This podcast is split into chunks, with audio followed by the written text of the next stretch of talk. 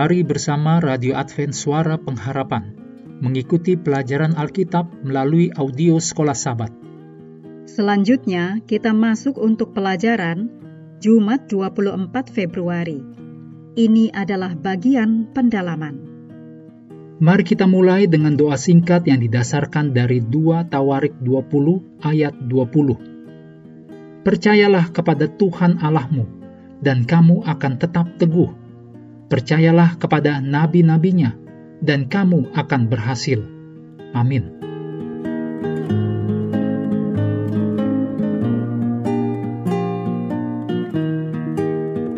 Berikut ini kutipan dari Ellen G. White, Membina Pendidikan Sejati, halaman 132. Tidak ada bagian usaha atau rencana kehidupan yang bisa menjadi sehat atau utuh yang hanya mencakup tahun-tahun singkat kehidupan sekarang dan tidak membuat persediaan untuk masa depan yang tak berkesudahan. Maksudnya adalah kehidupan kekal. Tidak ada orang dapat menyimpan harta di surga tanpa mendapati hidupnya di bumi diberi kelimpahan dan dimuliakan. Berikut ini kutipan dari buku Membina Pendidikan Sejati halaman 125.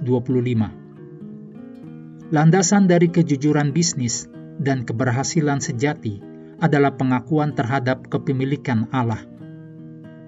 Selaku pencipta segala sesuatu, Allah adalah pemilik yang asli. Kita adalah para penata layannya. Semua yang ada pada kita adalah dipercayakan oleh Allah untuk digunakan sesuai dengan bimbingannya. Oleh karena tekanan untuk menyediakan kebutuhan keluarga-keluarga kita, banyak kali kita berpikir bahwa pekerjaan kita adalah agar ada pemasukan. Tetapi sebagai orang-orang Kristen, kita juga menghadapi bagian kita dalam perintah agung yang Yesus berikan kepada semua pengikutnya. Setelah mengutip perintah yang terdapat dalam Markus 16 ayat 15, yaitu, Pergilah ke seluruh dunia, beritakanlah Injil kepada segala makhluk. Ellen G. White menulis, Perintah ini bukan hanya kepada mereka yang dipanggil menjadi pendeta atau misionaris dalam pengertian biasa, tetapi semua orang dapat menjadi pekerja bersama Allah dalam memberitakan kabar baik kepada sesamanya manusia. Perintah itu diberikan kepada semua orang, besar atau kecil, pandai atau bodoh, tua atau muda. Demikian ditulis dalam Membina Pendidikan Sejati halaman 249. Berikut ini kutipan dari Membina Pendidikan Sejati halaman 252. Kita perlu mengikuti lebih teliti rencana Allah mengenai kehidupan. Kerjakan dengan sebaik-baiknya pekerjaan yang paling dekat dengan kita. Menyerahkan jalan-jalan kita kepada Allah dan memperhatikan petunjuk-petunjuk dari pemeliharaannya. Inilah aturan yang memastikan tuntunan yang aman dalam memilih pekerjaan. Berikut ini hal-hal untuk diskusi. Yang pertama, sebagai orang Kristen, bagaimana kita mendefinisikan kesuksesan hidup itu? Apakah perbedaan antara apa yang dunia definisikan sebagai sukses dan apa yang seharusnya ideal bagi kita. Sebagai contoh, Yohanes Pembaptis. Bagaimana Anda mendefinisikan kehidupannya? Yang berakhir dengan memalukan di penjara, dan semuanya karena kehendak seorang wanita jahat. Akankah Anda menyebut akhir kehidupan Yohanes Pembaptis itu suatu keberhasilan?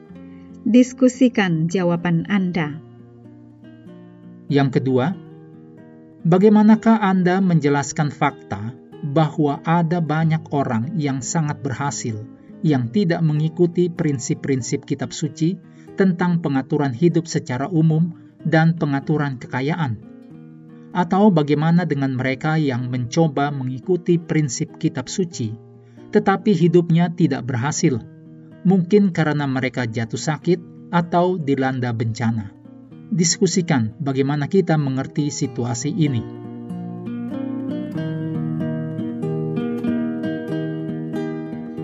Mengakhiri pelajaran hari ini, mari kembali ke ayat hafalan kita dalam Kolose 3 ayat 23 dan 24. Apa pun juga yang kamu perbuat, perbuatlah dengan segenap hatimu seperti untuk Tuhan dan bukan untuk manusia. Kamu tahu bahwa dari Tuhanlah kamu akan menerima bagian yang ditentukan bagimu sebagai upah Kristus adalah Tuhan dan kamu hambanya. Kami terus mendorong Anda untuk mengambil waktu bersekutu dengan Tuhan setiap hari, baik melalui renungan harian, pelajaran sekolah sahabat, juga bacaan Alkitab sedunia percayalah kepada nabi-nabinya, yang untuk hari ini melanjutkan dari Esra pasal 4. Tuhan memberkati kita semua.